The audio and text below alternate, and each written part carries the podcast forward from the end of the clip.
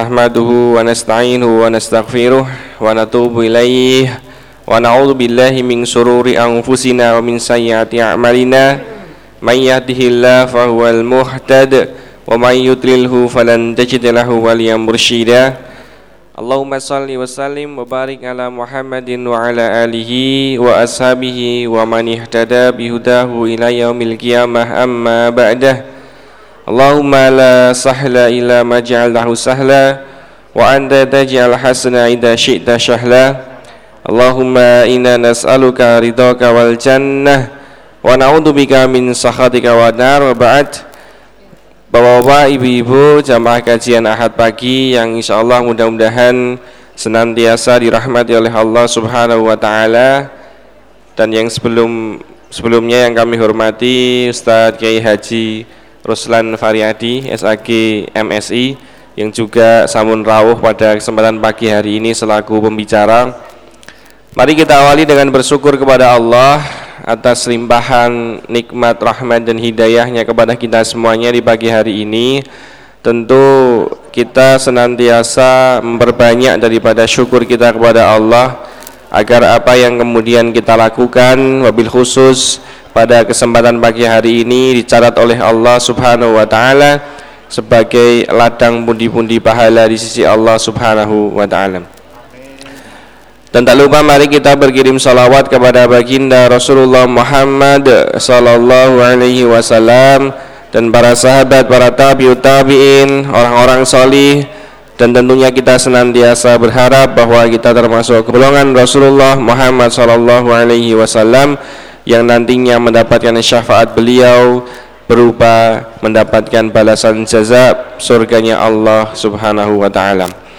Untuk menghemat waktu pada kesempatan pagi hari ini Ahad pagi edisi yang ke-130 Ahad 21 Safar 1441 Hijriah atau bertepatan dengan tanggal 20 Oktober 2019 Masehi Insya Allah yang akan memberi kajian pada pagi hari ini beliau Ustadz Kiai Haji Roslan Faryadi SAG MSI selaku pengurus Majelis Tarjih dan Tajdid PP Muhammadiyah dengan judul menjauhi tujuh hal yang membinasakan. Nah, maka dari itu untuk menghemat waktu, mari kita awali terlebih dahulu kajian Ahad pagi edisi yang ke-130 ini dengan masing-masing membaca basmalah.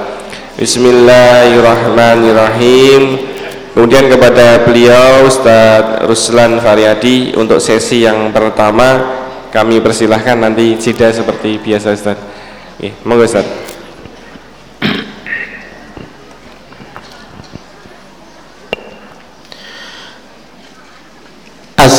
Assalamualaikum warahmatullahi wabarakatuh.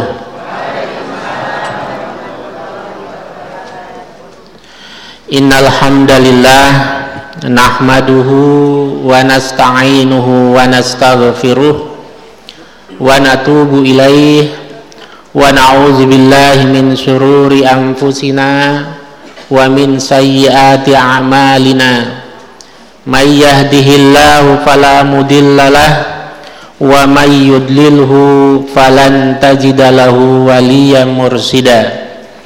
Ashhadu an la ilaha illallah wahdahu la syarikalah wa ashhadu anna muhammadan abduhu wa rasuluh la nabiyya wa la rasula ba'dah amma ba'd Ibu-ibu, bapak-bapak dan saudara-saudaraku yang berbahagia rahimani wa rahimakumullah. Alhamdulillah pada pagi ini kita bisa berjumpa kembali dalam kajian rutin. Insya Allah pagi ini kita membahas kajian hadis tentang perintah Nabi Sallallahu Alaihi Wasallam untuk menjauhi tujuh hal yang bisa membinasakan kita. Baik binasa di dunia terlebih lagi binasa pada hari akhirat kelak. Mudah-mudahan kajian kita lancar karena kalau nanti ada gangguan sedikit batuknya kok kambuh nyun sewu.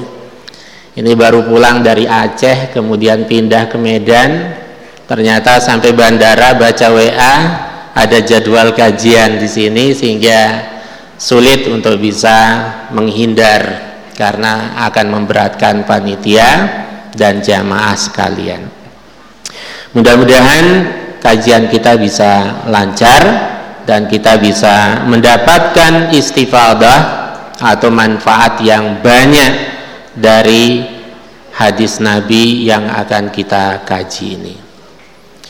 Dalam hadis riwayat Bukhari dan Muslim dari sahabat Abu Hurairah radhiyallahu an Rasulullah sallallahu alaihi wasallam bersabda Ijtanibu as-sab'al mubiqat.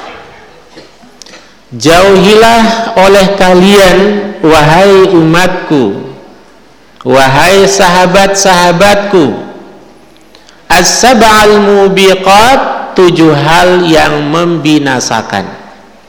Bahkan Nabi menggunakan alif lam ma'rifah yang menunjukkan bahwa tujuh hal ini sangat jelas sangat spesifik.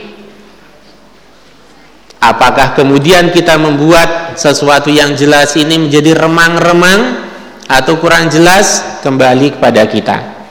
Tapi Nabi menegaskan jauhilah oleh kalian tujuh hal yang membinasakan.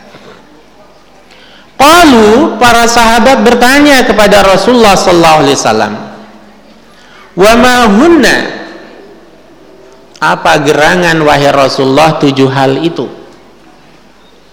Maka Nabi merincikan menjelaskan satu persatu. Qala asyirku billah yang pertama adalah menyekutukan Allah. Peringkat yang paling tinggi.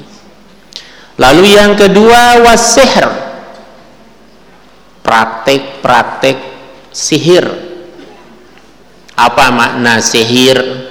Apa makna kesirikan? dalam konteks pada masa Nabi dan termasuk konteks masa sekarang. Wa qatlun nafsil lati harramallahu illa bil haq. Lalu yang ketiga, membunuh jiwa yang diharamkan kecuali karena dibenarkan oleh agama.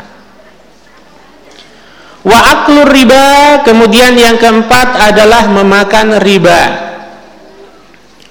Wa malil yatim harta anak yatim wa tawalli yaumaz zahfi.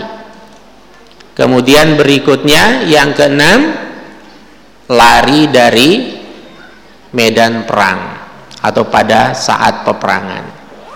Yang terakhir wa muhsanatil mu'minatil ghafilat. Menuduh hal-hal yang negatif yang bisa merusak harga diri nama baik dari wanita-wanita muslim yang menjaga dirinya.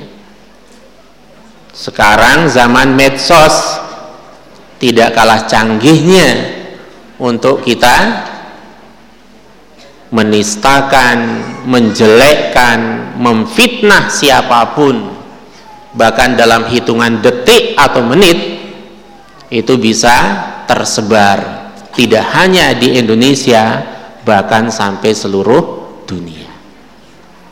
Nah, karena itu hadis ini menjadi sangat tepat. Kalau kemudian hadis ini kita maknai dalam konteks kita sekarang, tidak hanya dipahami secara harfiah seolah-olah hadis ini bicara tentang masa lalu masa pada masa sahabat masa nabi tapi justru hadis ini menjadi sangat kita butuhkan dalam konteks kita sekarang hidup di dunia yang canggih dengan teknologinya itu yang pertama, sabda Rasulullah sallallahu alaihi wasallam adalah asyirku billah. Menyekutukan Allah, sirik atau menyekutukan Allah. Nah, bagaimana bentuk dari menyekutukan Allah ini banyak sekali. Maka kalau kita belajar dalam pembahasan akidah, syirik itu kan secara umum ada dua. Ada sirkul akbar dan ada sirkul asgar. Ada syirik besar, membuat tandingan terhadap Allah Subhanahu wa taala baik dalam uluhiyahnya. Uluhiyah itu meyakini ada sosok atau sesuatu selain Allah yang dianggap Tuhan. Saking banyaknya Tuhannya jadi sulit nyebutnya. Tuhan Tuhan Tuhan tuh jadi hantu. Jadi hantu dipertuhankan kalau baca medsos pagi ini sejak kemarin, wah ternyata para hantu sudah dikerahkan ke suatu tempat. Ini kadang begitu masifnya kesirikan itu. Jadi sekarang kita kalau mau ke pantai selatan itu agak lumayan selamat karena Nyi Roro Kidul sedang diborong ke ke pusat kota negara kita. Jadi aman bu. Kalau mau renang sampai sampai tengah itu aman. Nggak ada yang akan narik. Kesirikan. Atau yang kedua adalah syirik dalam ubudiyah. Sesembahan menyembah sesuatu selain Allah. Baik ibadahnya itu ritualnya dengan kata-katanya, dengan tindakan atau perbuatannya, dengan sajian atau macam-macamnya. Nah, ini masuk syirik pada ubudiyah. Ada lagi syirik terkait dengan rububiyah sebagai pencipta dan pengatur alam semesta. Meyakini bahwa dunia ini ada bukan karena intervensi Allah. Tetapi dunia ini ada karena proses yang bersifat evolusi. Tidak ada penciptanya itu sudah syirik rubu uh, ada lagi menurut ulama syirik mulkiyah. Bahkan padahal Allah itu raja di raja. Penguasa alam semesta dan penguasa seluruh jagat raya.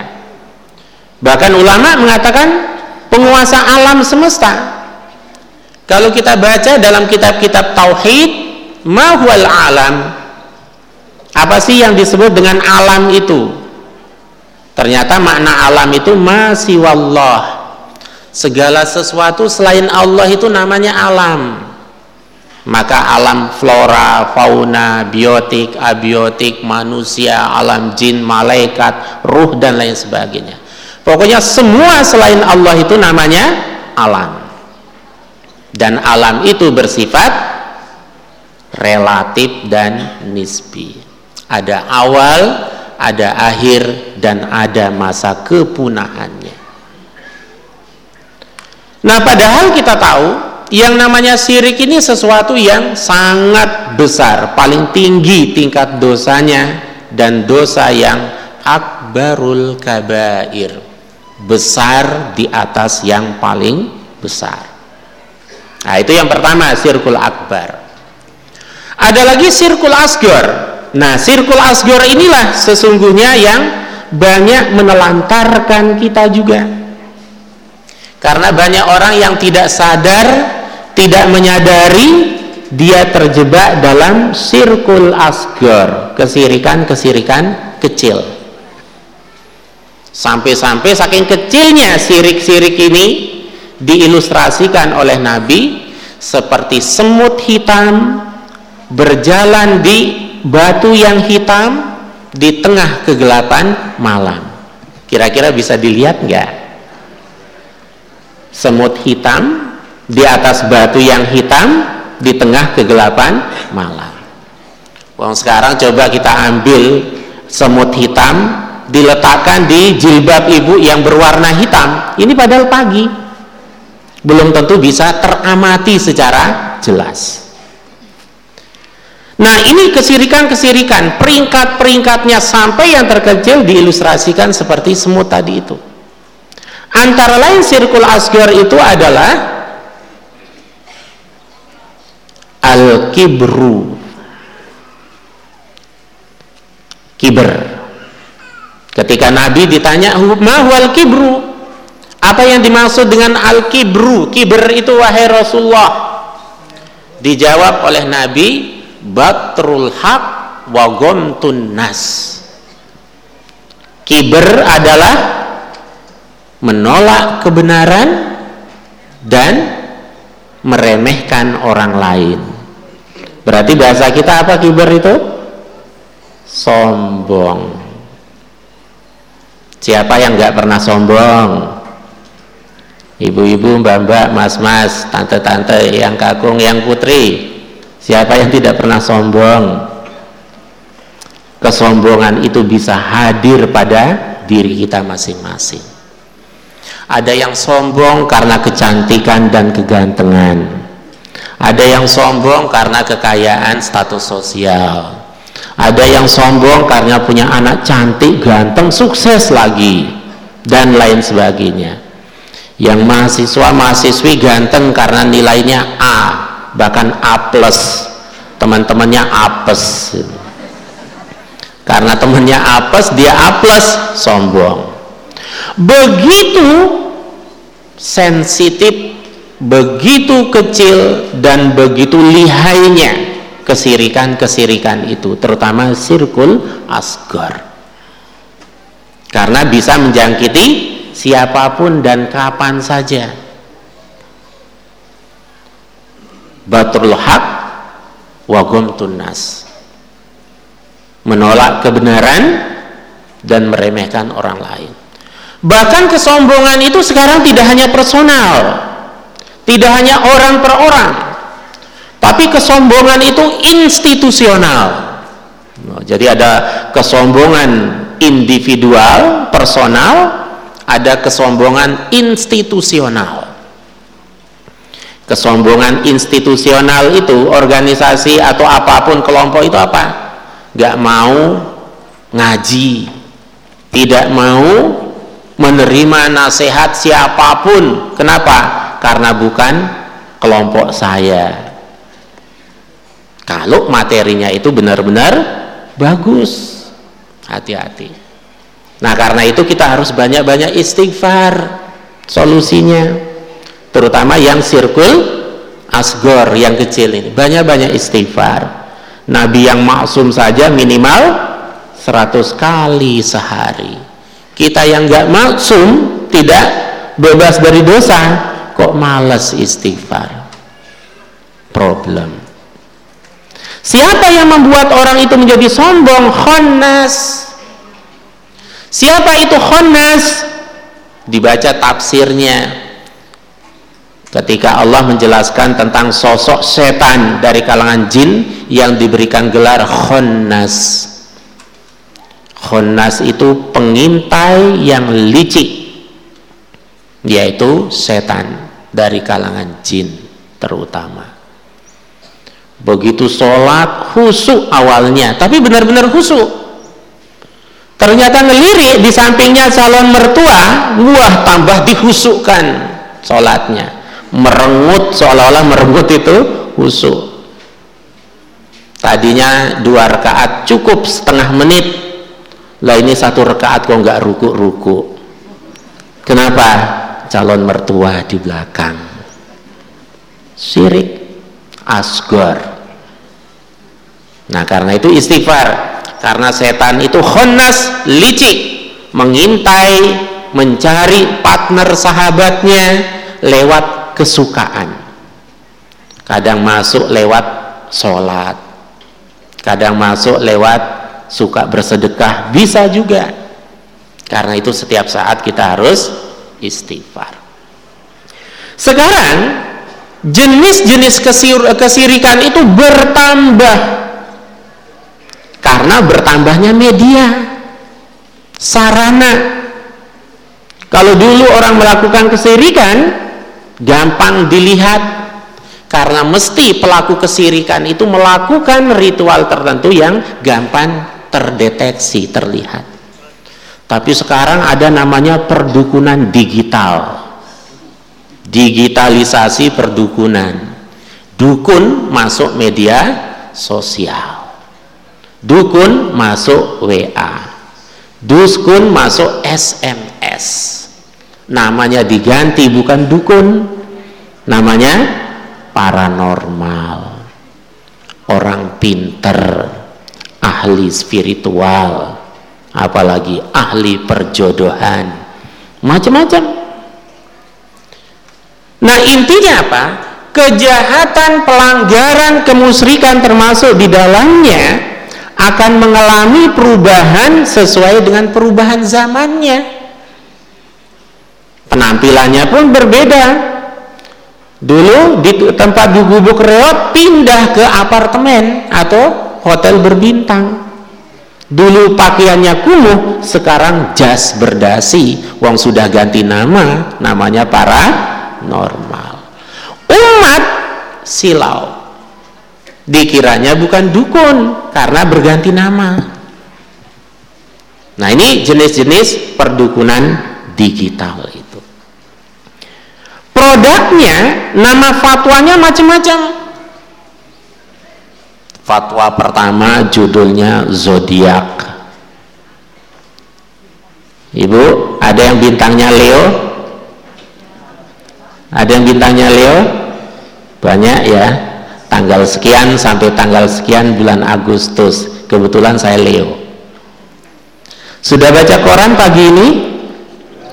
Terutama ABG yang dibaca bukan berita tapi langsung pada ramalan perbintangan cinta membara. Dompet lumayan tebal. Penyakit bagian perut. Hari baik hari Rabu. Macam-macam. Padahal kalau kita nalar secara sederhana di dunia ini yang lahir pada kisaran tanggal sekian sampai tanggal sekian itu banyak ada yang masih bayi. Apa ya bayi cintanya membara? Misalnya. Ada yang masih TK bahkan masih PAUD. Apa ya kemudian rizkinya? Kempes atau rizkinya tebal? Dan seterusnya. Nah karena itulah menyikapi persoalan-persoalan real atau yang nyata di tengah-tengah kita harus memadukan antara hak akal dan hati nurani. Antara agama dan ilmu pengetahuan. Kalau hanya mengandalkan emosi saja fatal.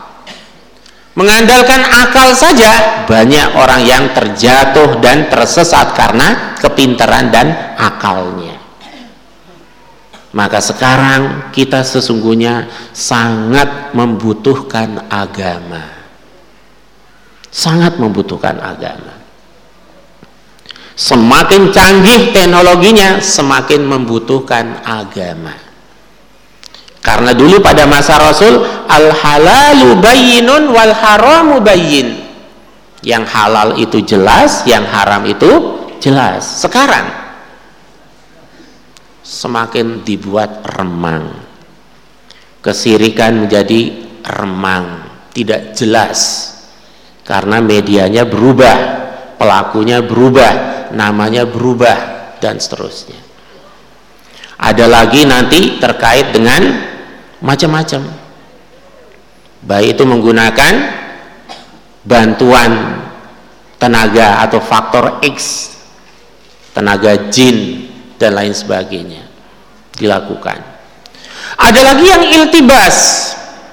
Iltibas ini mencampur baurkan antara hak dengan yang batil antara agama dengan bukan agama sehingga ketika melakukan praktek perdukunannya mungkin di awal baca bismillah tapi berikutnya prakteknya perilakunya dan lain sebagainya itu remang-remang, tidak jelas.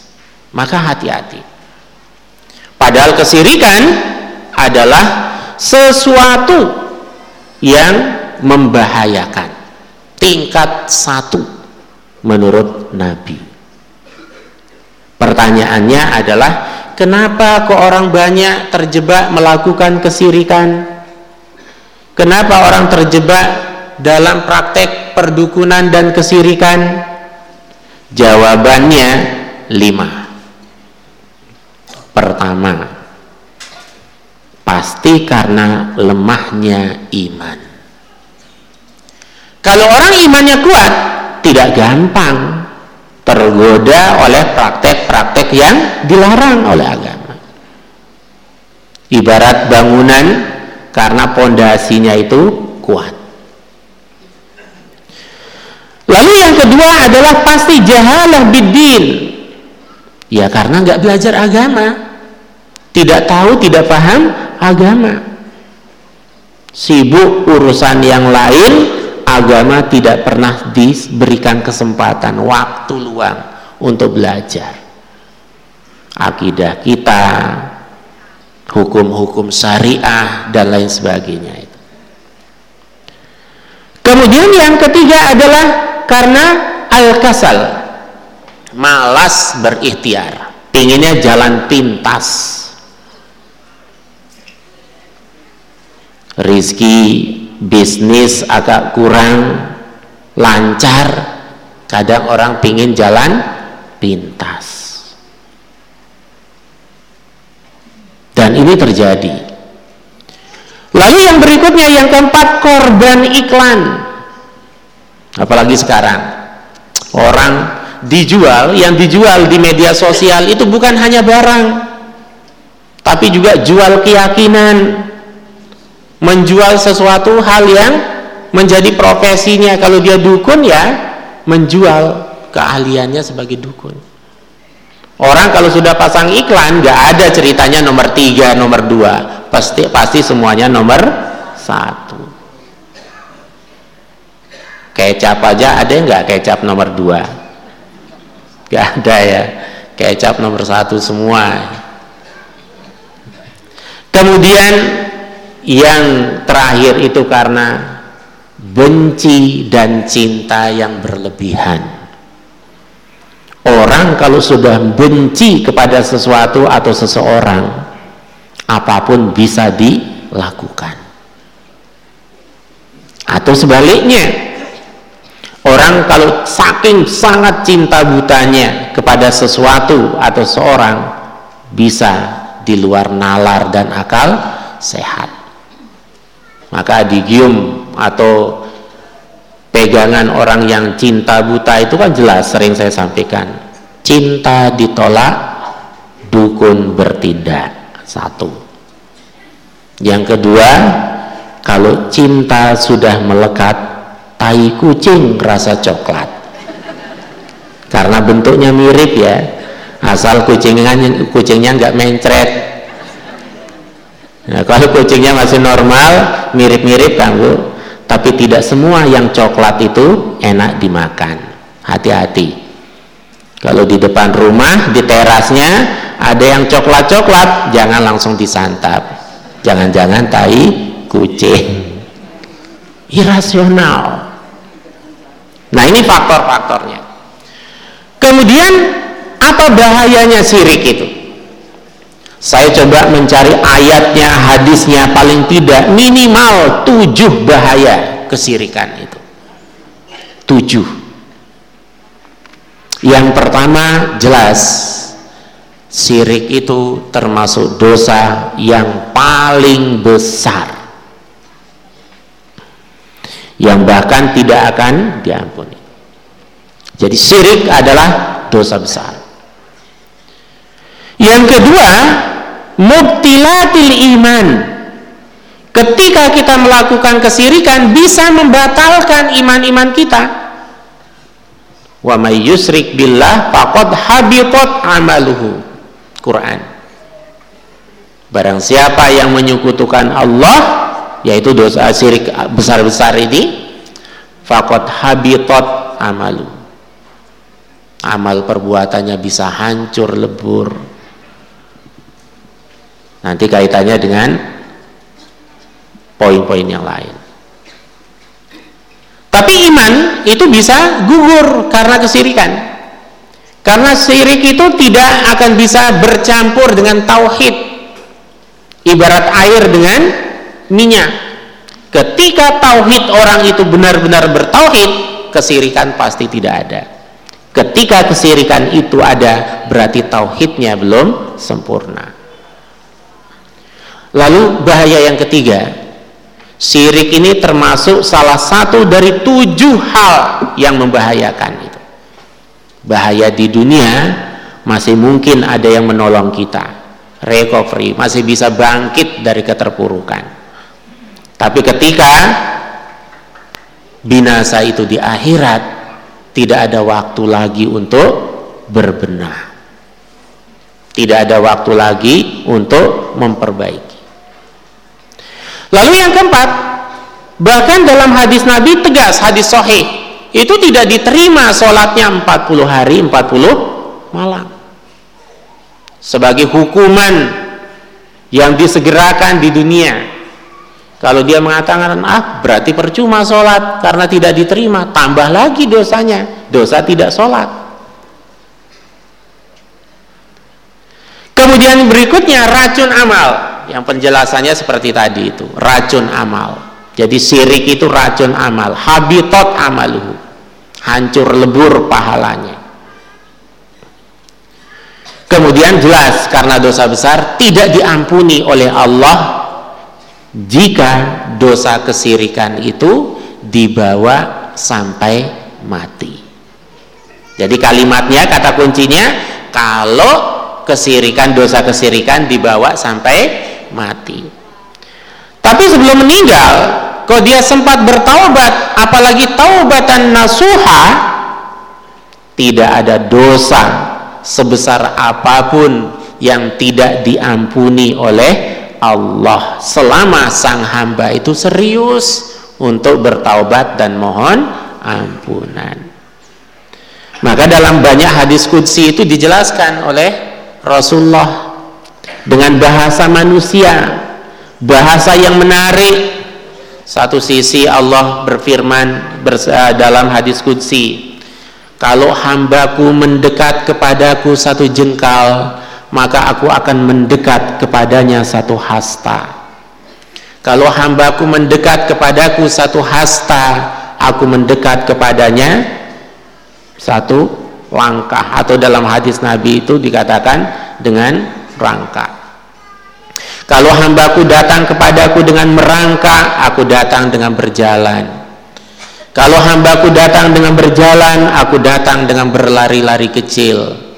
Kalau hambaku datang kepadaku dengan lari-lari kecil aku akan datang kepadanya dengan lari kencang. Maksudnya apa sedikit kebaikan yang kita lakukan dilipat gandakan oleh Allah dibalas dengan berlipat Ketika dia bertaubat, Allah tersenyum dan mengampuni dosa-dosa hambanya. Karena tidak ada manusia di dunia ini yang tidak pernah berdosa. Bahkan kesempurnaan manusia terletak pada ketidaksempurnaannya itu. Maka dalam hadis dikatakan, "At-taibu minaz-zambi kaman la zambalah." orang yang bertobat dari suatu dosa seperti orang yang tidak berdosa lagi. Bersih. Tapi kalau dia tidak mau bertaubat khalidina fiha. Kadang abada. Kekal selama-lamanya di neraka ingin tahu rasanya neraka? Ya jangan tanya saya. Karena saya belum pernah dan tidak berharap ke neraka. Kecuali yang mau bercita-cita masuk neraka. Karena artis dan atlet pujaannya non berada di neraka. Pingin ketemu reuni di dalam neraka. Gak usah lama-lama satu hari saja untuk bertemu. Hadis mengatakan yaumun kahomsina alfasanah. Satu hari di akhirat satu hari di neraka sama dengan 500 ribu tahun jam dunia. Satu hari loh bu. Pak 500 ribu tahun. Oh dikurangi. Kalau gitu nggak jadi satu hari. Setengah hari masih 250 ribu tahun jam dunia. Nggak mau setengah hari satu jam silakan. 500 ribu tahun dibagi 24 jam. Masih ratusan atau ribuan tahun. Masih ada yang bercita-cita? Mudah-mudahan yang hadir di sini termasuk ahlul jannah para penghuni surga. Sebab jangankan reunian di neraka ketika gempa bumi 2006 di Jogja skala rektornya masih 56 panik enggak luluh lantak panik. Saya kemarin pergi ke Aceh masuk ke museum tsunami. Di langit-langitnya itu ratusan ribu nama korban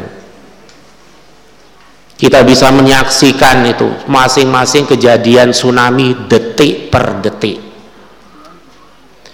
Saya pergi ke kapal yang beratnya 2600 ton. Yang ternyata awalnya di tengah laut sekarang berada di tengah perkampungan sekitar mungkin puluhan sampai ratusan kilometer dari pusatnya itu kalau kelilingnya. Karena tapi kalau ditarik itu sekitar puluhan kilometer. Kapal seberat 2600 ton lo kok berlayar di daratan. Karena terdorong kerasnya tsunami. Kita naik di sana lihat satu persatu mengerikan artinya itu hanya kejadian yang sangat sebentar ukurannya dan skala rektornya itu masih belum sampai ratusan apalagi ribuan yang membuat zalzalah tapi sekejap mampu membinasakan atau membuat orang mati ratusan ribu orang. Dulu waktu 2006 ibu-ibu yang punya anak bayi. Kebetulan pernah saya punya tante ya, menyelamatkan diri anaknya bayi kembar. Wah nyelamatkan dibopong. Begitu sampai luar sampai lapangan yang dibopong itu satu bayi yang satunya guling bayi. Si bayinya ketinggalan di dalam rumah. Anaknya sendiri kita saja panik. Apalagi mau reunian dengan orang lain gak mungkin. Kemudian yang terakhir adalah termasuk pengikutnya setan. Itu bahaya bahaya kesirikan. Nah sehingga dalam hadis Nabi banyak diceritakan di situ. Intinya jamaah sekalian karena ini poin pertama jadi mari kita hati-hati betul dengan praktek kesirikan karena percuma amal soleh kita ibadah kita kalau kita masih melakukan kesirikan. Bahkan di kalangan masyarakat kita bukan sirkul asgor lagi. Banyak yang masih melakukan sirik-sirik besar. Itu yang pertama. Lalu yang kedua adalah sihir sedikit lagi untuk sesi pertama Siri, uh, sihir. Nah sihir ini adalah perwujudan dari ritual-ritual kesirikan karena banyak faktor yang menjadi sasaran atau tujuan. Bisa kesirikan itu karena persoalan ekonomi ya, sihir maaf karena faktor ekonomi bisa karena faktor-faktor yang lain saya banyak mendapatkan curhatan kadang orang tidak sehat bersaing bisnis jual beli kadang berusaha untuk menjatuhkan orang lain dengan praktek-praktek sihir. Kalau orang sudah melakukan praktek sihir, kadang banyak yang di luar akal sehat terjadi. Baru nangkap ikan digoreng karena ada yang tidak suka begitu dimakan oleh pembeli ternyata belatungan di dalam. Bisa. Karena apa pun bisa dilakukan dengan intervensi makhluk lain yang dijadikan khodam. Ada lagi sihir dengan cara buntalan. Karena buntalannya itu diletakkan misalnya di depan tempat orang. Begitu dibuka mulai dari pocongan tanah kuburan. Macam-macam bisa dilakukan. Maka jangan heran kalau kemudian ada kasus orang baru dikubur besok pagi ternyata kuburannya terbuka. Yang diambil tali pocongnya. Melakukan praktek-praktek sihir lewat itu. Saking bencinya banyak terjadi dan itu di luar akal sehat juga. Yang ditusuk boneka orang lain yang di sana itu yang merintih kesakitan. Kan ada kasus-kasus semacam itu. Ditusuk pakai jarum bagian pahanya sana kesakitan. Ah, bisa. Dan itu yang sering terjadi. Ada orang yang kemudian diperiksa ke dokter lo kok nggak kunjung? Begitu muntah ternyata yang keluar paku beling itu gampang kita akses coba di YouTube kejadian-kejadian seperti itu. Ada. Apalagi sudah terkait dengan masalah asmara. Seolah-olah tidak dianggap sihir. Yang namanya pelet. Salah satu nama peletnya apa bu? pak? jarang goyang. Ada lagunya lagi apalagi selain jarang goyang. Oh semar mesem. Apalagi bu? biasanya hafal. Ya paling enggak ada jaran goyang sama semar mesem. Itu sebenarnya bagian dari sihir. Baik dengan tujuan memecah belah hubungan suami istri atau karena ingin mendapatkan cintanya orang lain apalagi mendapatkan cinta orang lain. Bisa dilakukan macam-macam. Ketika orang melakukan sihir ini kadang tidak hanya murni dengan melakukan praktek-praktek yang 100% sihir atau 100% sirik tapi kadang dikombinasikan. Pakai ayat Al-Quran juga bisa digunakan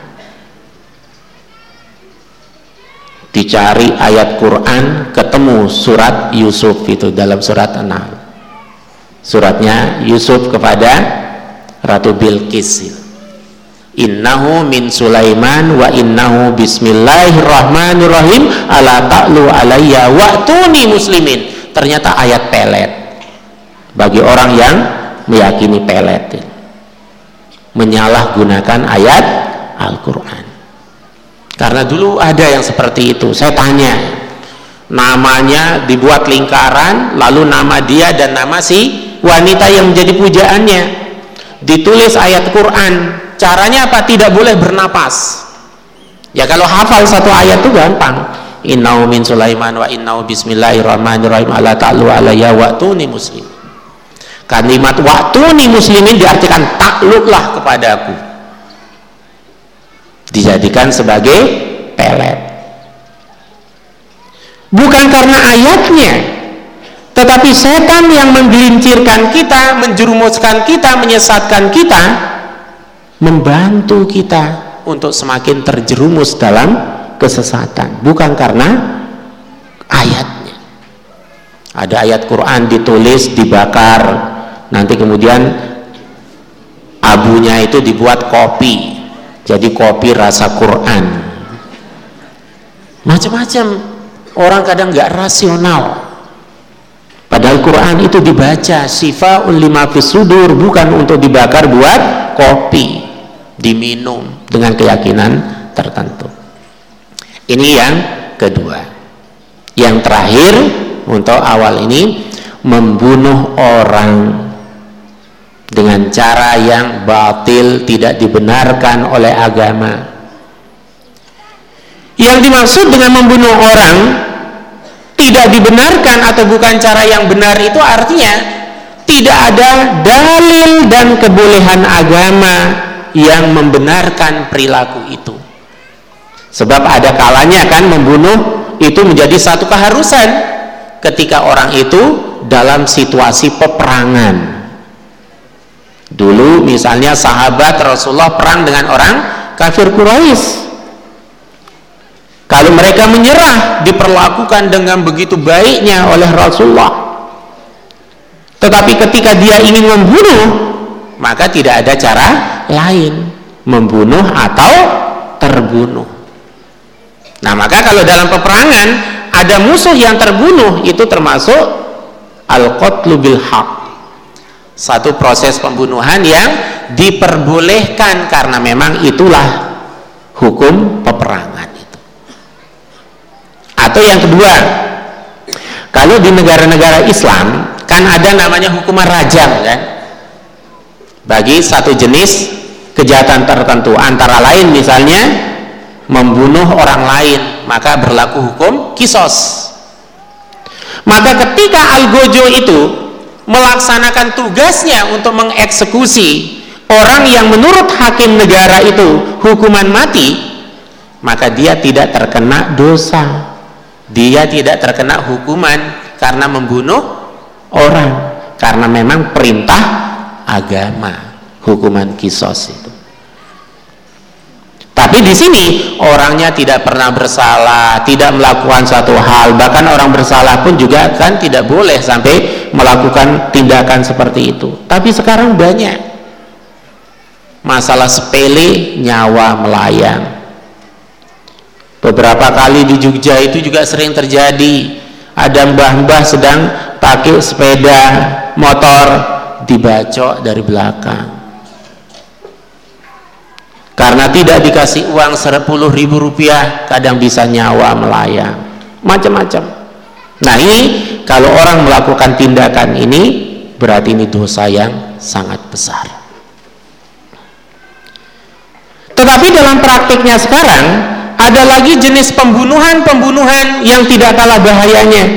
Orangnya masih hidup tapi yang dibunuh adalah karakternya yang dibunuh adalah nama baiknya. Nah maka nanti terkait dengan menuduh orang baik-baik melakukan tindakan yang tidak terpuji. Apa faktornya? Masih ada waktunya? Masih ya. Apa faktornya? Banyak juga. Tapi faktor yang paling dominan itu adalah hasad iri atau dengki maka kalau kita baca kisahnya Kobil dengan Habil, faktornya kenapa Kobil membunuh Habil itu adalah hasad, iri atau dengki. Orang kalau sudah iri, apalagi dengkinya itu dengki kesumat, apa pun dilakukan.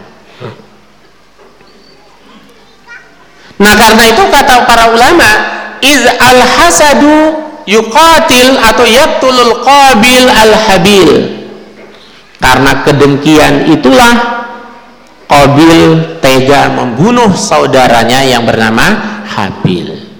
Maka hati-hati dengan sifat iri atau dengki.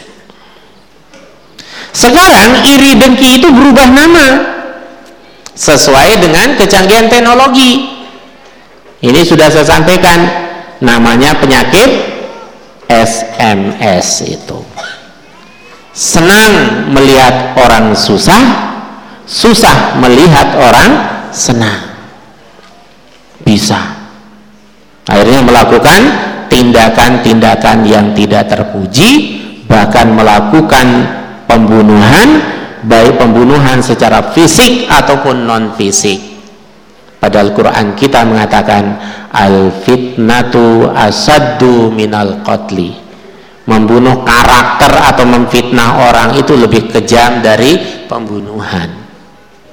apalagi kemudian melakukan dengan berbagai sarana sarana yang ada saya kira ini untuk tiga poin nanti kita lanjutkan 4, 5, 6 dan 7 semoga nanti dicatat jadi di antara tujuh hal yang membinasakan yang sudah kita bahas asir kubillah pertama sirik kepada Allah. Dan yang kedua asihru yaitu sihir. Sihir itu tidak hanya membuat orang luka secara fisik muntah dengan kejadian yang lainnya tapi pelet, gendang, macam-macam masuk praktek sihir dalam Islam. Cuma namanya gendang namanya pelet dengan macam-macam cara tapi sebenarnya adalah sihir. Semoga ini bermanfaat. Saya kembalikan dulu kepada pembawa acara. Jih, Allah Ustaz atas materinya untuk yang di sesi pertama. Bapak Ibu jamaah kajian Ahad pagi untuk di jeda informasi kali ini akan kami sampaikan beberapa informasi. Yang pertama terkait dengan laporan keuangan Ahad pagi edisi yang ke 129 edisi yang kemarin. Saldo awal 19.499.350 rupiah. Kemudian pengeluaran 8 juta 221 saldo akhir 11 juta 278 350 rupiah. Dan untuk infak edisi kemarin 7 juta 853.500 rupiah maka dari itu mohon untuk kota infak yang sudah hadir di bisa diputar e, keliling ke saudara-saudara jamaah kajian yang lain. Untuk edisi Ahad pagi yang keempat, Ahad yang keempat, kajian Ahad pagi besok insya Allah akan digunakan untuk tanya jawab yang akan mengisi atau yang menjawab yaitu Ustaz Solahuddin Sirizal LCMA.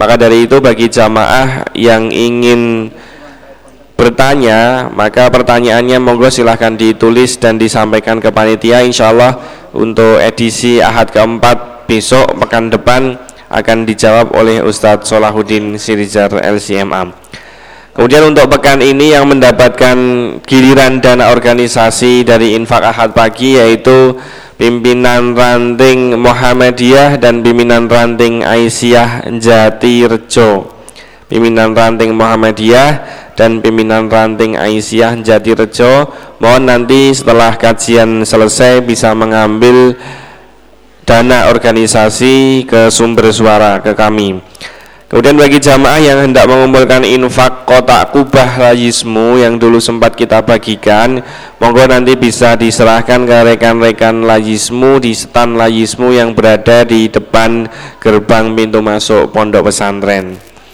Kemudian yang selanjutnya yang menghendaki stempel majlis tablik nanti juga bisa menghubungi rekan kami yang berada di meja presensi untuk di sebelah gerbang pintu masuk Ponpes.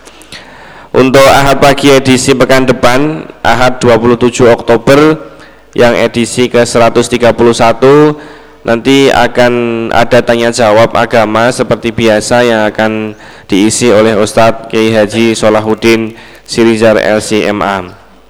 Kemudian juga informasi yang selanjutnya mengundang keluarga besar Desa Wonorejo dan sekitarnya jamaah Ahad pagi juga boleh nanti hadir.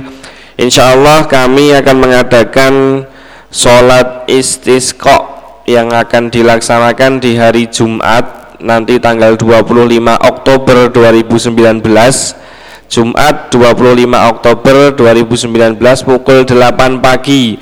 Nanti tempatnya di lapangan desa Wonorejo Insya Allah kalau belum hujan kalau sudah hujan mungkin tidak jadi nanti. Oke, Insya Allah akan kita adakan sholat istisqa di hari Jumat yang akan datang tanggal 25 Oktober 2019 pukul 8 pagi di lapangan Desa Wonorejo. Nanti Insya Allah bersama imam dan khatib Ustadz Kiai Haji Imam Syuhodo LC ya. mudah-mudahan nanti untuk sunnah-sunnah yang dianjurkan beberapa sunnah kami sampaikan terlebih dahulu puasa tiga hari sebelumnya sebelum hari Jumat nanti bisa puasa tiga hari sebelumnya kemudian memperbanyak istighfar sedekah dan infak mengajak keluarga dan kerabat membawa binatang ternak ke lapangan. Nah ini yang repot ini nanti ya.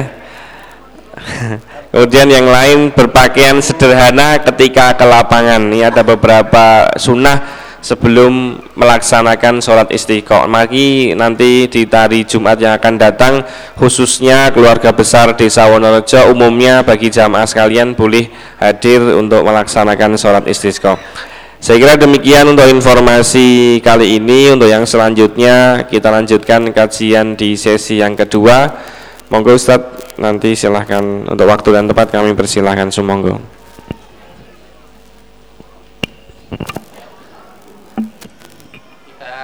kan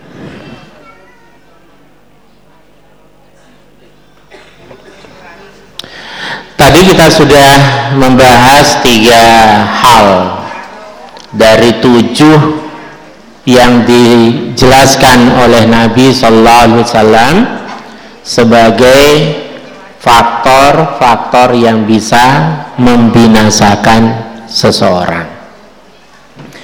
Kita lanjutkan yang keempat. Sekalipun ini juga pernah disinggung ketika kita membahas tentang bisnis. Etika bisnis. Beberapa waktu yang lalu bahkan dua sesi dua kali pertemuan. Yaitu wa'aklu riba. Memakan harta ribawi riba. Salah satu hal yang dijelaskan dengan begitu gamblang begitu jelas dan rinci dalam Al-Quran salah satunya adalah tentang riba ini. Karena praktek riba sejak masa awal dulu karena persepsi atau anggapan yang keliru. Tapi secara uruntun coba kita lihat beberapa ayat dan hadis Nabi yang bicara tentang ini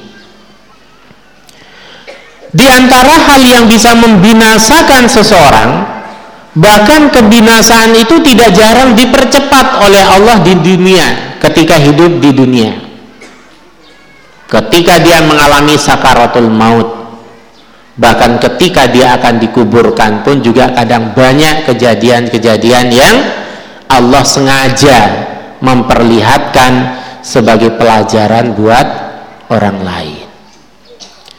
Dalam surat Al-Baqarah ayat 100, 275 eh, Allah Subhanahu wa taala menegaskan A'udzu billahi minasyaitonir rajim Alladzina ya'kuluna riba la yakumuna illa kama yakumul ladzi yatahabbathu syaitana minal masjid Dzalika bi annahum qalu innamal bai' mithlur riba wa ahallallahu al-bai'a wa harrama riba.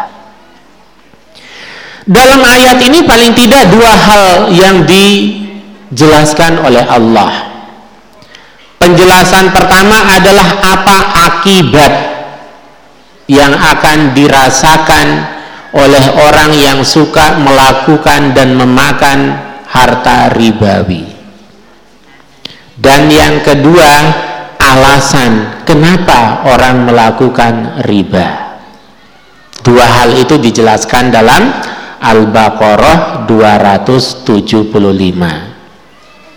nanti silakan dilihat kembali ayatnya dibaca terjemahannya juga dibaca.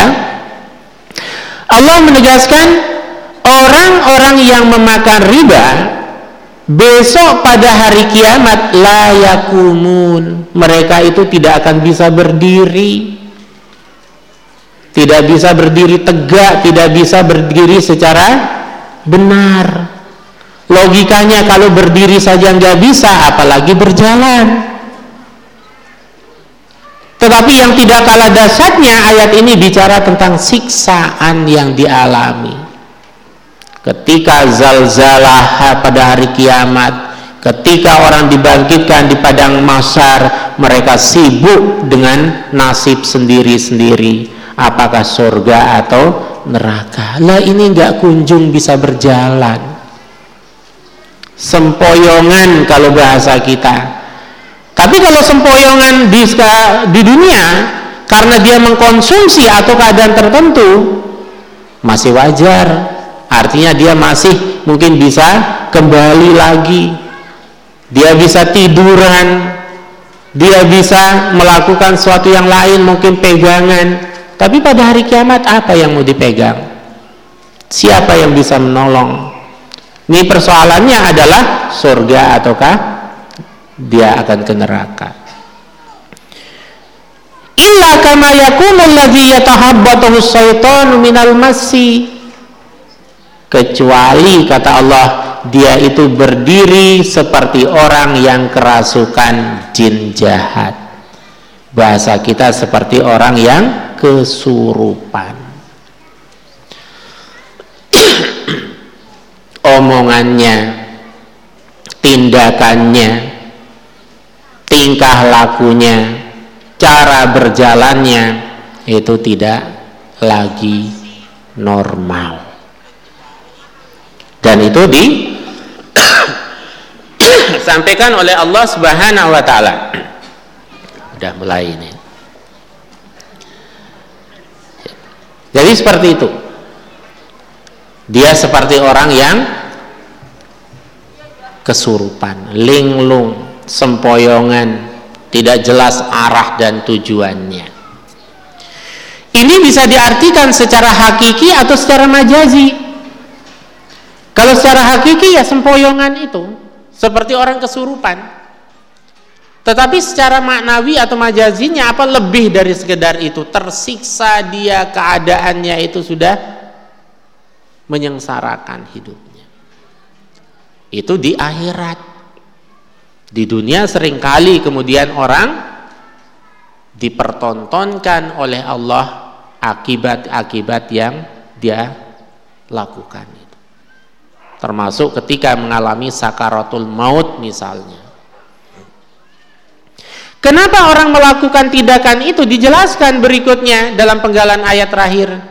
Qalu bi anna dzalika bi annahum hal itu dikarenakan mereka berasumsi, berpendapat, ber mengira-ngira innamal bai'u mithlur riba karena jual beli itu sama saja seperti riba. Itu anggapan keliru.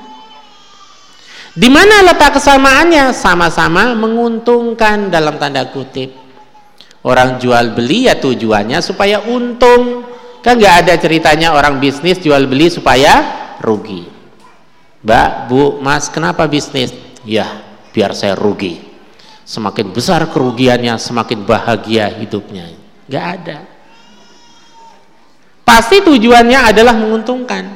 Begitu pula ketika orang memberi, eh, melakukan praktek ribawi, tujuannya juga supaya untung. Di beberapa tempat yang saya tahu persis, ketika kita berhasil mendirikan dan semakin megah membangun universitas UMY, UAD itu kan luar biasa itu terus berkembang. Ternyata ya ada orang yang melakukan spekulasi. Nah, kalau membangun di sini berarti tanah di sini besok mahal harganya. Bukan membeli tanahnya, kasih pinjaman. Ini saya kasih pinjaman. Pinjamannya berapa? Bisa 10 juta menurut pengakuan beberapa masyarakat yang pernah cerita. Minjam 10 juta, jaminannya sertifikat tanah yang harganya ratusan juta. Setahun dua tahun terus berkembang. Akhirnya gara-gara 10 juta sertifikat melayang. Hilang. Itu banyak terjadi. Dan itu memang disengaja.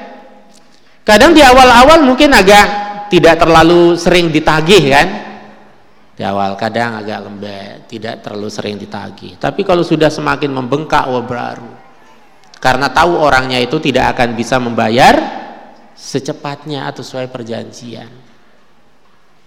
Nah ini yang disebut dengan lintah darat itu. Jadi sengaja meminjamkan tetapi targetnya itu adalah jaminan itu. Karena itu hati-hati dengan praktek lintah darat. Membahayakan. Dan bahayanya itu sendiri dunia akhirat. Sangat mengenaskan. Dan orang yang melakukan praktek ini tidak hanya merugikan dirinya sendiri, baik dunia atau akhirat, tapi yang paling dirugikan itu adalah orang lain. Satu sertifikat tanah yang rugi siapa? Kalau dia berkeluarga ya bapaknya, ya ibunya atau suaminya, istrinya, anaknya dan seterusnya. Begitu salah satu atau duanya meninggal dunia, keturunannya menjadi sengsara. Di kota-kota besar banyak. Kemarin saya diantar oleh seorang sopir, dia cerita. Kalau sekarang anaknya sudah mahasiswa, mahasiswi, tapi dia masih kontrak. Dan kontraknya itu terasa mahal sekali. Dia curhat. Lah dulu tinggal di mana pak? Dulu saya tinggal disebut nama kotanya, di kota ini. Rumah saya, halaman saya luas sekali tapi kenapa? Ternyata rumah dan halamannya dijual oleh orang lain karena sertifikat itu banyak yang aspal kan. Kadang dibuat lebih tua usianya ketimbang yang asli. Sekarang begitu masuk ke pengadilan yang yang menang tidak selalu yang benar. Tetapi yang menang kalau dia bisa menyewa Nah, iya, menyewa pengacara yang mahal. Pakai kitab undang-undang hukum pidana dan perdata KUHP tapi sekarang KUHP singkatannya berubah. K karena U uang H habis P perkara. Jadi KUHP karena uang habis perkara. Bukan kitab-kitab undang-undang hukum pidana nah dia melakukan kezoliman tapi dia sendiri juga melakukan praktek ribawi juga Akhirnya dia cerita, orang yang melakukan itu sekarang lebih sengsara hidupnya. Yang bapaknya mati hidup segan mati tak mau. Jenis penyakit yang diobat macam-macam tidak kunjung sembuh. Sengsara hidupnya. Keluarganya ada anaknya yang terlibat narkoba, ada yang kemudian masuk penjara, ada lagi yang kemudian macam-macam itu cara Allah kadang membalas kezoliman yang dilakukan terhadap orang lain. Apalagi kalau yang dizalimi itu rajin berdoa dan doanya demi agar Allah membalas tindakannya. Padahal kata sabda Rasulullah antara orang zolim dengan Allah itu tidak ada sekatnya. Maka hati-hati dengan doanya orang yang terzalimi sabda Nabi. Bahkan ketika Muaz bin Jabal diutus oleh Rasulullah pergi ke Yaman untuk berdakwah, salah satu nasihat Nabi juga ittaqu da'watal mazlum. Wahai Muaz bin Jabal, hati-hati terhadap doanya orang yang terzolimi. Begitu cepat. Kadang jenis dan apa yang dialami itu di luar perkiraan kita. Lalu coba dibaca surat Al-Baqarah 278. Bahkan itu diawali dengan kalimat ya ayyuhallazina amanu. Allah berfirman ya ayyuhallazina amanu taqullah wa zaru ma baqiya minar riba in kuntum mu'minin. Kalau ayat ini dikaji, kita baca pelan-pelan, ini berat sekali konsekuensinya. Pertama, diawali dengan seruan wahai orang-orang yang beriman. Kata para ulama tafsir, kalau ayat diawali dengan wahai orang beriman, lalu ada pembahasan di belakangnya, maka pembahasan di belakangnya itu menunjukkan identitas orang yang benar-benar beriman. Maka kalau kita lanjutkan wahai orang-orang yang beriman bertakwalah kamu kepada Allah dan tinggalkan sisa-sisa riba itu. Maka kesimpulannya di antara ciri dan identitas orang yang beriman tidak melakukan praktek ribawi. Lah kalau masih melakukan berarti belum ya ayyuhallazi na'amanu. Apalagi di akhir in kuntum mukminin jika kalian benar-benar orang yang beriman. Kita sampai jam berapa? Oh setengah delapan. Saya khawat lihat sudah mulai kepanasan soalnya. Ya, oke. Ini masih Insya Allah yang kepanasan pahalanya lebih besar dan sehat. Nah, iya, mendapatkan ya, rahmat Allah berupa sinar matahari pagi yang menyehatkan. Ya di sini diakhiri dengan kalimat in kuntum mu'minin jika kalian benar-benar beriman. Maka kalau masih melakukan praktek riba ya belum beriman atau belum benar-benar beriman kepada Allah Subhanahu wa taala. Cara Allah mengingatkan kita tentang riba ini banyak. Pertama caranya menceritakan tentang akibatnya besok pada hari kiamat diceritakan. Lalu yang kedua, pendekatan moral, pendekatan agama, pendekatan pendekatan hukum dilakukan juga. Antara lain Al-Baqarah 278, pendekatannya itu spiritual di sini agama. Ciri orang beriman itu tidak melakukan riba. Kalau masih melakukan riba, berarti belum beriman yang sebenar-benarnya. In kuntum mu'minin. Lalu Ali Imran ayat 130 ditegaskan lagi juga dengan kalimat ya ayyuhalladzina amanu diulang-ulangi oleh Allah. Sesuatu kalau diulangi terus-menerus atau berapa kali maka di sini ada persoalan yang sangat penting bagi kehidupan manusia baik di dunia terlebih lagi di akhirat. Diulangi maka salah satu ijaz kemujizatan Al-Quran yaitu bagiannya adalah pengulangan terhadap sesuatu hal yang sangat penting. Bahkan menggunakan seruan-seruan yang spesial. Wahai orang-orang beriman, la taqulur riba adha'afan mudha'afah. Jangan kamu makan riba berlipat-lipat. Tentu maknanya kalau enggak berlipat boleh bukan kalau tidak berlipat saja nggak boleh, apalagi yang berlipat-lipat. Wattakullah, takutlah, bertakwalah, elingno. Di situ Allah menegaskan kita, takut bertakwalah kepada Allah. La'allakum tuflihun, diberikan satu reward. Reward itu semacam penghargaan. Kalau kamu sekalian wahai hambaku bisa menghindari riba niscaya kamu akan tuflihun akan beruntung. Tidak ada keuntungan yang paling besar kecuali ketika kita merasakan kenikmatan surga. Tapi kadang surga itu diabaikan hanya dengan untuk meraih keuntungan-keuntungan sesaat Nah, maka Allah Subhanahu wa taala menegaskan karena sifat manusia itu sering teledor, maka diingatkan oleh Allah, wahai hamba-hambaku, wahai orang-orang yang beriman, jangan makan riba. Lalu diakhiri dengan kalimat la'allakum tuflihun. Secara bahasa la'alla memang litaraji agar supaya tapi kalau Allah yang berfirman la'allakum maka la'alla itu artinya kepastian. Maka kalau diterjemahkan secara tafsir ya, la'allakum tuflihun agar kamu itu pasti di situ kepastian. Tidak hanya agar supaya.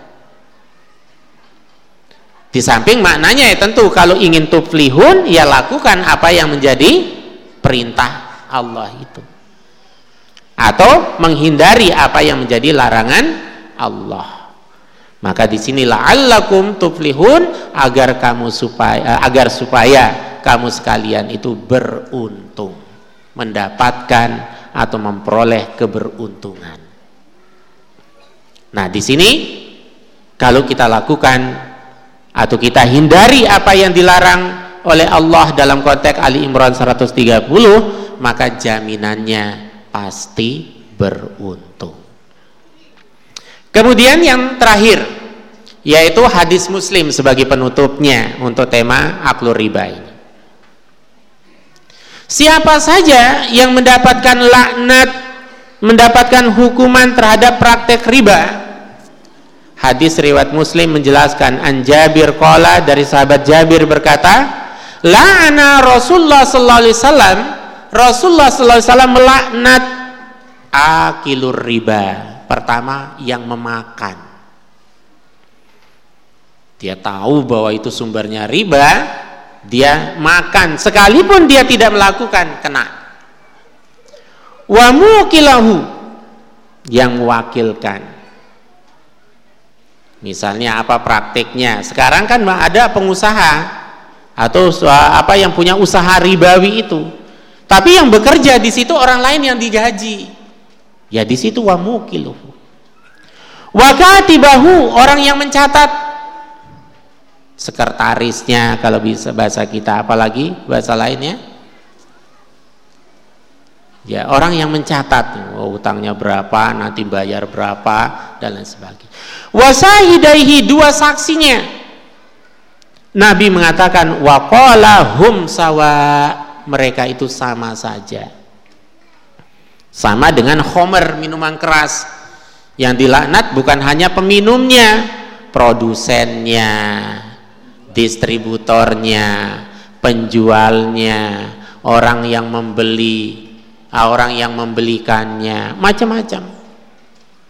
Karena mereka suroka bersarikat atau berkumpul dalam kejahatan atau kesalahan yang sama nah ini hadis riwayat muslim tentang yang poin 4 memakan riba kita lanjutkan lagi yang kelima memakan harta anak yatim hati-hati baik itu pengurus panti asuhan anak yatim, yatim piatu, hati-hati. Keluarga yang dititipkan karena masih punya hubungan keluarga, ada anak yatimnya, hati-hati. Kesimpulannya apa? Hati-hati dengan anak yatim. Karena anak yatim itu dalam dalam eh, agama kita Quran dan hadis Nabi mendapatkan satu perhatian kemuliaan dan menghardinya menjadi sebuah petaka besar. Yang pertama, ketika orang itu menelantarkan hartanya, dirinya, perasaan anak yatim, kita diberikan stempel, diberikan gelar oleh Allah sebagai pendusta agama.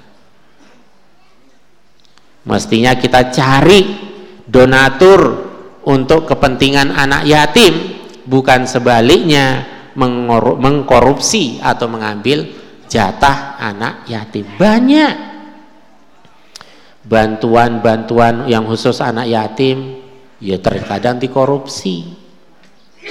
Baik dalam skala besar maupun skala kecil. Kecil. Baca surat Al-Maun di antara pendusta agama itu adalah wala yahuddu ala tu'amil miskin dan seterusnya itu.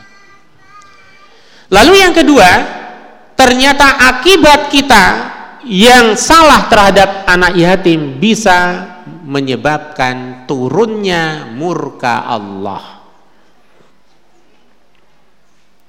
Jadi anak yatim itu sungguhnya anak yang sangat karomah, yang dimuliakan oleh Allah menyantuninya sebagai fasilitas menuju surga kemudian menelantarkannya menjadi sarana menuju neraka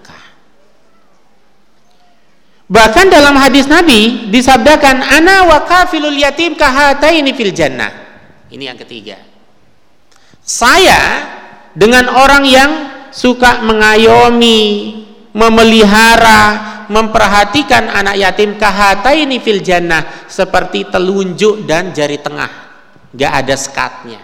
Saya dengan orang yang suka memperhatikan anak yatim besok bersama Nabi di sorga. Kahataini fil jannah ingin bertemu Nabi ternyata salah satunya anak yatim jawabannya. Bahkan jangankan seperti itu dalam riwayat ngelus kepala anak yatim saja berpahala kok. Jadi ngelus saja. Kenapa di situ menunjukkan perhatian? Karena ngelusnya itu bisa menguatkan mental seorang anak yatim. Apalagi ngelusnya pakai uang juga di situ dilus sekali lus 50 sekali ngelus lagi 50 wah double tapi yang dilus ya tentu diperhatikan. Wah itu anak gadis. Anak yatim dia. Oh, dilus ya jangan. Apalagi yang laki-laki. Tentu anak anak yang masih belum balik. Oh anaknya anak yatim cantik lagi dicium masih tidak berdosa tapi mencium dengan penuh perhatian kasih sayang. Jangan bilang ah mumpung masih kecil. Nah, itu sudah lain niatnya. Nah, itu cantik sekali anak yatim wah cium karena masih kecil mumpung masih kecil. Besok kalau besar nggak dapat. Sudah beda niat. Maka Nabi itu ketika mengatakan mengelus itu niatnya apa? Pengayoman, perhatian di situ. Bukan sekedar ngelus. Oh, baru dengar ini ternyata rajin ngelus dia akhirnya setiap ke dilus-lus spiritnya itu bukan sekedar ngelusnya sebenarnya tapi perhatian pengayoman sesuai dengan kemampuan yang bisa kita lakukan maka coba baca surat An-Nisa ayat 10 dalam surat An-Nisa ayat 10 itu ditegaskan praktek yang tidak boleh dilakukan kepada anak yatim. Salah satunya adalah memakan harta anak yatim. Memakan itu artinya bisa menghilangkan dengan sengaja, bisa menjual untuk keuntungan sendiri sekalipun tidak dimakan hasilnya. Jadi bukan sekedar makan. Allah berfirman, innallazina ya'kuluna amwalal yatama zulman innama ya'kuluna fi butunihim nara wa sayaslawna sa'ira. Sesungguhnya orang-orang yang memakan menghilangkan memusnahkan menelantarkan harta anak yatim amwalal yatama zulman secara zolim artinya dengan tujuan jahat dengan cara yang tidak benar ingin melenyapkan karena masih kecil. Karena itu warisannya misalnya hati-hati. Itu tidak akan pernah membahagiakan orang. Sekalipun hartanya banyak tapi harta anak yatim. Innama yakuluna fi butunihim naro sesungguhnya hanya saja hakikatnya mereka itu memakan bara api neraka di dalam perutnya. Jadi orang yang memakan harta anak yatim diilustrasikan seperti memakan bara api neraka atau seperti ada bara api neraka di dalam perutnya. Wasaya selauna sa'ira besok itu akan dibakar, dicampakkan lalu dimusnahkan, dibakar oleh Allah dalam neraka sa'ir. Nah ini kaitannya dengan anak yatim. Nah, anak yatim ini bisa sifatnya keluarga internal kita, entah itu diserahkan eh, kepada bibinya, omnya, keluarga besarnya atau apa pun namanya. Atau ada anak yatim yang diserahkan pengayomannya kepada sebuah institusi entah namanya panti asuhan, entah namanya duafa anak yatim misalnya khusus. Karena kalau tidak hati-hati, niat kita mencari donatur untuk anak yatim, tapi masuk kantong sendiri itu juga bisa. Nah, karena itu di sini kehati-hatian kita. Sekalipun bukan harta anak yatim secara langsung, tapi niatnya adalah mendirikan panti asuhan anak yatim, lalu mencari donatur. Dapat ternyata donasi yang cukup besar, ternyata sebagian masuk ke keuntungan atau pribadi masing-masing, hati-hati. Karena anak yatim adalah sosok manusia karomah yang mulia. Karena kemuliaannya itu menghardiknya mendatangkan petaka mengayominya mendatangkan ridho Allah dan surga. Lalu yang keenam lari dari medan perang. Ini bisa dalam konteks yang terbatas yaitu situasi al-harb atau al-kital seperti pada masa Nabi. Dia diajak peperangan ternyata lari karena takut. Beda orang yang lari karena strategi, mengatur strategi. Karena perang itu hakikatnya khada'ah, satu kamuflase penipuan atau strategi. Dan di situ boleh dusta. Dalam pengertian dusta di sini apa? Dia di sana tapi kok pura-pura seolah-olah ada apa di sebelah sana. Melempar ke arah sana, musuhnya lari padahal dia ada di daerah yang berseberangan. Strategi Nah sekarang dalam konteks kita saat ini banyak sekali jenis-jenis peperangan dalam tanda kutip. Tidak lagi perang bisilah dengan senjata, tapi kita perang ideologi. Nabi kita dihina, dinistakan. Allah dibuat karikaturnya. Itulah kita harus melawan. Cara melawannya apa? sesuai dengan hadis Nabi itu izaro aminkum mungkaron kalau dia ahli di bidang IT maka dia harus mengkanter itu melawan nah itu yang disebut dengan ghazwul fikri perang pemikiran yang pemikiran itu dituangkan lewat media sosial macam-macam. Atau paling tidak kita bil qalbi hati kita tidak rela nabi kita dihina. Hati kita tidak rela Allah dinistakan. Itu sikap dan cara kita dalam konteks sekarang. Minimal hati kita tidak ridho. Bukan malah ikut tertawa. Kok lucu ya? Padahal nabinya sendiri dibuatkan karikatur yang negatif. Malah kok ketawa dan mengatakan lucu. Itu harus kita hati-hati juga. Nah tapi kalau kita tidak mau berperan sedikit pun jangan-jangan. Sekali lagi kata saya menggunakan istilah jangan-jangan. Itu secara nilai seperti orang yang lari dari kenyataan bahwa kita harus membela nabi kita minimal dengan hati kita kok tidak dilakukan nah karena itu kita jangan sampai berpikir bercita-cita perang dalam pengertian fisik La tatamannau liqa al adu. Sabda Nabi, jangan bercita-cita cari musuh, jangan bercita-cita perang. Tapi kalau orang memerangi kita lewat media sosial, menistakan Quran, hadis Nabi, Allah Subhanahu wa taala, maka lakukan sesuai dengan kemampuan kita masing-masing. Minimal kita tidak ridho, hati kita tidak ridho. Itu minimal.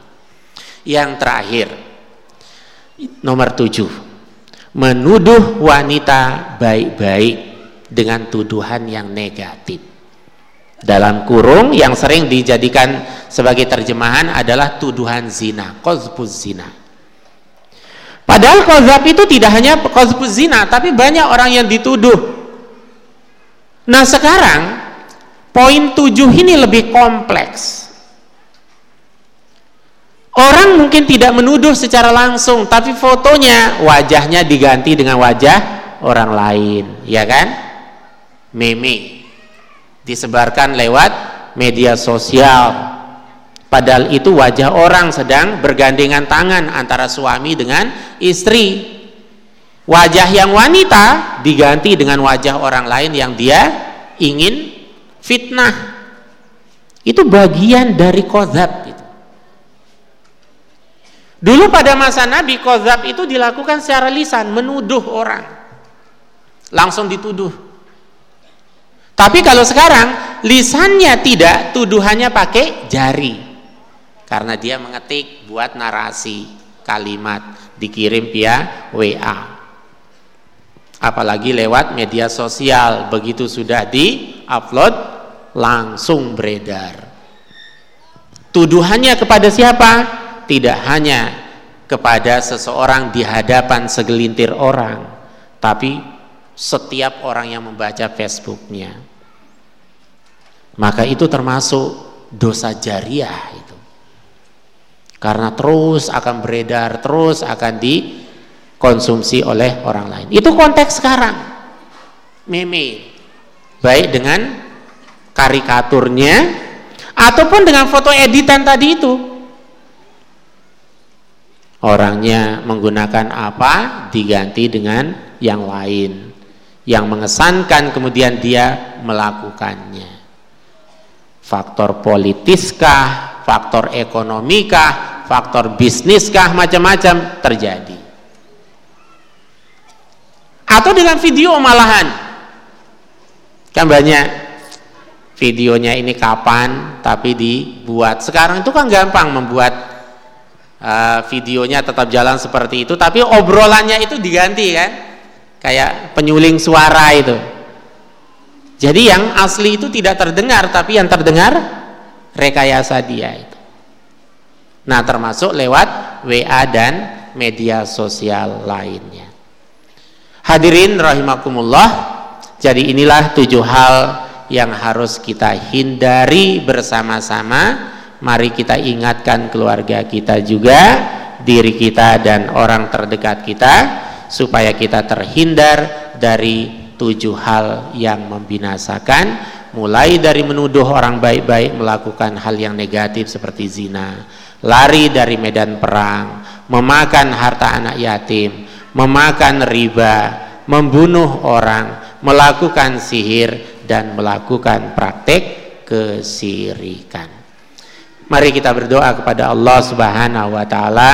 Semoga kita terhindar dari tujuh hal yang membinasakan ini dan Allah melindungi kita dari praktek-praktek yang tidak dibenarkan ini dan Allah memudahkan langkah jalan dan uh, gerakan motorik kita untuk senantiasa melakukan yang terbaik. Dan pada akhirnya Allah menjadikan kita sebagai ahlul jannah para penghuni surga.